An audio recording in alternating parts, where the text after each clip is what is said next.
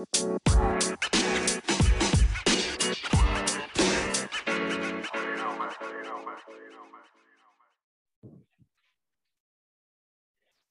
og velkommen til en kortepisode av Jordbrukspodden. I dag er det meg og Anders som skal snakke litt rundt det her med myter om kapitalavkastning.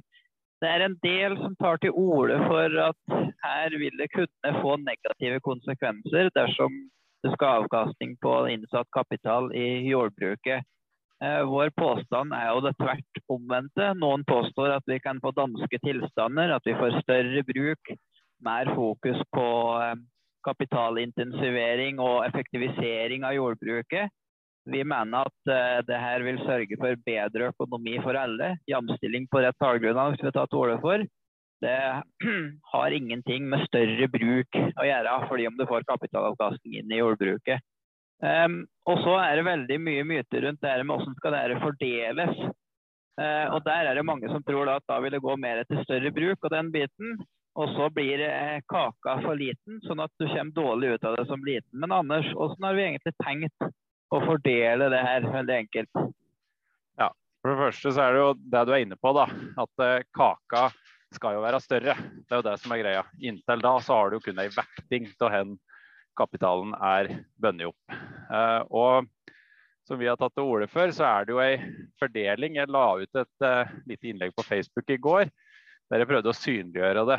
At du vil ha forskjellig andel eh, som bidrar til inntekta. Noen har høy eh, arbeidsinnsats, mye arbeid og lite eh, investeringer i kapital. Noen har veldig lite arbeidsinnsats, men høy eh, automatisering og, og, maskinell investering, da, som f.eks. korn. Og da er det det som er innsatsen din. Så Tanken er at i forhold til kapital, så skal du ha en eh, lik avkastning. Og da er det jo å bruke en forrentning på totalkapitalen. Det vil si at uh, uansett hva slags investeringer du gjør, så vil du sitte igjen med det samme per investerte krone. Og liksom, uh, det er mange typer investeringer. Uh, jeg tror at mange henger seg opp i at dette her dreier seg om store mjølkefjøs på indre Østlandet. Og det er ikke det det handler om. For, en investering kan like så gjerne være en, en rundballepigg, f.eks. Som er noe vi alle sammen må investere i. Eh, drekkekar på båsfjøset, og som vi vet kommer til å komme, investeringer til å bygge om disse båsfjøsene. Og Hvis vi da ikke har en modell som eh, godgjør den innsatsen du har, uavhengig om det er kapital eller arbeid, så vil det da være veldig ugunstig å binde kapital. Men en forutsetning er at kaka blir stor nok. Og så er det veldig viktig å huske på, Dette er på sektornivå. og Sånn som systemet er i dag, så fordeler man midlene. Først har du hele potten i jordbruksavtalen. Og så fordeler du det ut på referansebrukene. Og hvert referansebruk det består av mange fysiske gårder som er et driftsgranskingsbruk.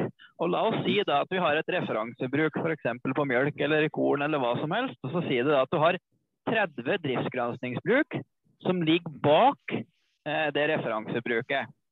Mm. Og da vil det snittet av dem, den kapitalbindinga, gjennomsnittet av dem, være det som legger grunnlag for eh, avkastninga.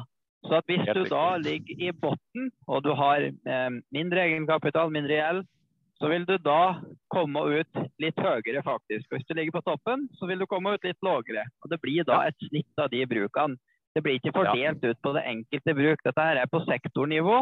Og sannsynligvis vil man fordele det ut via det systemet som er i dag. Og da kan du putte inn flere driftsgranskingsbruk i hvert referansebruk for å gjøre det statistisk enda sikrere, sånn at du er sikrere på at du treffer riktig. Yes. Og du må jo sørge for da, at eh, kapitalbehovet, når det melder seg på f.eks. Eh, mindre båsfjøs, så må du sørge for å få inn det i forhandlingen. At nå i år så skal så og så stor andel av det her bygges om. Vi har behov for en større større kake, og det blir en høyere kapitalbinding. Da må det synliggjøres. Og du kan òg tenke det i, i, motsatt retning. At det blir mindre behov for kapital pga. en eller annen omlegging, da må det òg synliggjøres. Og det er jo det her som òg Grytten sier, at uh, gjør den det på den måten her, så blir det ikke urettferdig. Nei, og bare for å presisere det da. Noen sier jo da at du vil forfordele større kornbruk som har større kapitalbinding per årsverk. Men det er under forutsetning at kaka er for liten til å gi ja. jamstilling til alle. Altså at du har arbeidsvederlag lik snittet i samfunnet, pluss at yes. du har avkastning på inntatt kapital. Og Poenget ja. er det at hvis da det referansebruket korn har større kapitalbinding, så skal de også ha større avkastning i det referansebruket. Så det er riktig, det blir sånn. Men man glemmer det at kaka skal være stor nok til at de, de mindre brukene de skal ha arbeidsvederlag, lik jamstilling, pluss at de skal ha kapitalavkastning på den innsatte kapitalen. Som da er mindre i totalsum, men mm. som faktisk da i de fleste tilfeller per produsert enhet, om det er per ku eller per areal, vil være større enn et større bruk. Sånn at Det handler bare om rettferdighet. Alle skal ha lik arbeidsbetaling, og du skal ha ca. Eh, for den innsatt kapital som, eh, som, du har innsatt, den skal du ha avkastning på. Og så tror jeg vi glemmer her vi glemmer historien. Noen bruker jo historien til å argumentere for, men vi glemmer den. For at fra å stå med rive og høygaffel i hendene og hæsja, og til slåmaskin og rundballepress eller silo, hva det måtte være, der har det skjedd en kapitalbinding. Vi prater ja. ikke om kapitalbinding i noen sånne gigantiske, digre fjøs på de aller beste områdene. Vi prater om at alle skal ha det. Absolutt alle. Og en rettferdig fordeling. En viktig ting der. Når vi hadde den hovedavtalen i 92 til ja. ca. nå, så er det fire ganger så stor kapitalinnsats per årsverk. Og når vi vet at bonden har ca. 50-50 gjeld og egenkapital, så vil det si at fire ganger så mye kapital eh, blir brukt per årsverk av egen inntatt kapital. Og da sier det seg sjøl at da kan du ikke bruke VEAK som resultatmål. fordi da sier det ingenting lenger om det reelle arbeidsvederlaget. Som jo er interessant når du skal sammenligne med lønnsmottakeren. Epler og epler. Ja. Yep. Så her må det synliggjøres. Og så er det dette her enda flere myter. Man snakker om at vi kan miste skattesærfordeler ved gårdsoverdragelser.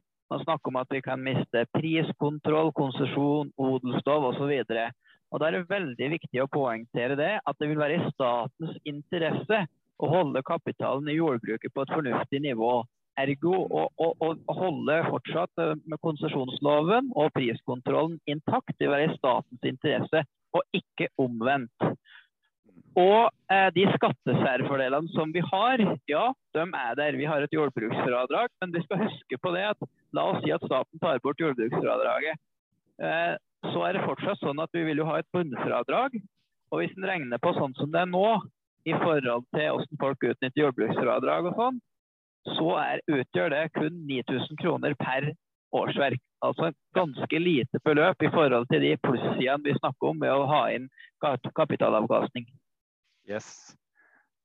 Veldig, eh, veldig godt poeng. Og så er det sånn at, eh, som jeg var inne på, det er noen skattefordeler ved eh, salg innen familien. Oppskriving, åsetelsesverdi og den biten der. Vi vet ikke etter store beløp det utgjør. Kanskje potensielt kan man eh, risikere å tape noen skattefordeler. Men alle sånne særfordeler for jordbruk, det er egentlig bare med å holde oss nede Eh, fordi vi ikke har en sunn bedriftsøkonomi i bånn, og fordi at jordbrukerne ikke har et arbeidsvederlag som folk flest. Så at vi må tåle å kunne tape noe. Men det er ingen direkte sammenheng ved at du gjør endringer i totalkalkylen og på referansebruk og til skatteloven. Det er to helt forskjellige ting, og det er ingen klare paralleller derimellom. Nei.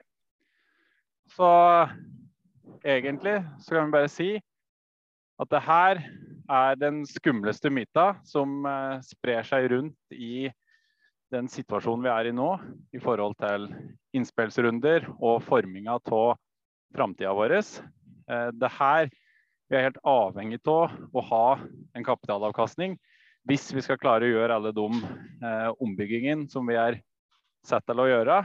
Og kapitalen, vet vi, den stiger hele tida innad i landbruket, og da må den synliggjøres. Så det her er rett og slett en stor, stor myte. Og vi må fortsette å beholde på de reguleringsverktøyene vi har, for å sørge for at vi ikke går en, mot en sånn type overproduksjon. Ikke sant, Ola? Ja, altså når du får inn lønnsomhet i jordbruket og det lønner seg å investere, så er det ikke sånn du skal styre bonden og produksjonen ved å holde den nede, ved å holde økonomien nede. Du skal gjøre det på tak, på antall dyr, du skal ha konsesjoner, du skal ha produksjonsregulering. Det er der du legger inn virkemidler for landbruk mm. over hele landet og familiejordbruk, og hvor store mm. eller små bruk du ønsker, og hvordan strukturen skal være. Det kan ikke mm. være med å holde økonomien nede for å sørge for at det ikke blir overproduksjon. Da er det bonden som lider. Det er systemet som skal ha regler som hensyntar det jordbruket man, man ønsker å ha over hele landet. Og en viktig ting der, hvis du kan si det si det at noen sier hvis vi får inn kapitalavkastning i jordbruket, så er det en fare for norsk jordbruk. Ja, men jeg sier det at Hvis vi ikke får inn avkastning i norsk jordbruk, og det ikke lønner seg å investere og putte egne penger inn i egen virksomhet og produsere mat, da vil vi på et tidspunkt fram i tid ikke ha igjen noen som gjør det. For alle gjør det som er lønnsomt. Og hvis det ikke er lønnsomt, så får vi bruksnedlegging. Og det så vi no sist nå en statistikk på. Et bruk legger ned hver dag. Sjøl etter den gode regjeringsplattformen og, eh, og den landbruksvennlige regjeringa vi har. Så at det må økonomi og lønne seg å investere i en næring, ellers så dør den ut. Og dette her går helt klart utover, eh, kan òg gå utover type dyrevelferd. For å dra kapitalavkastning ned på et veldig enkelt, forståelig nivå.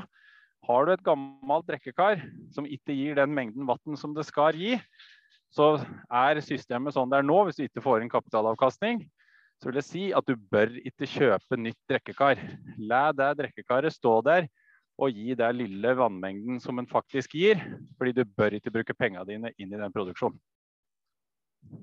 Mm.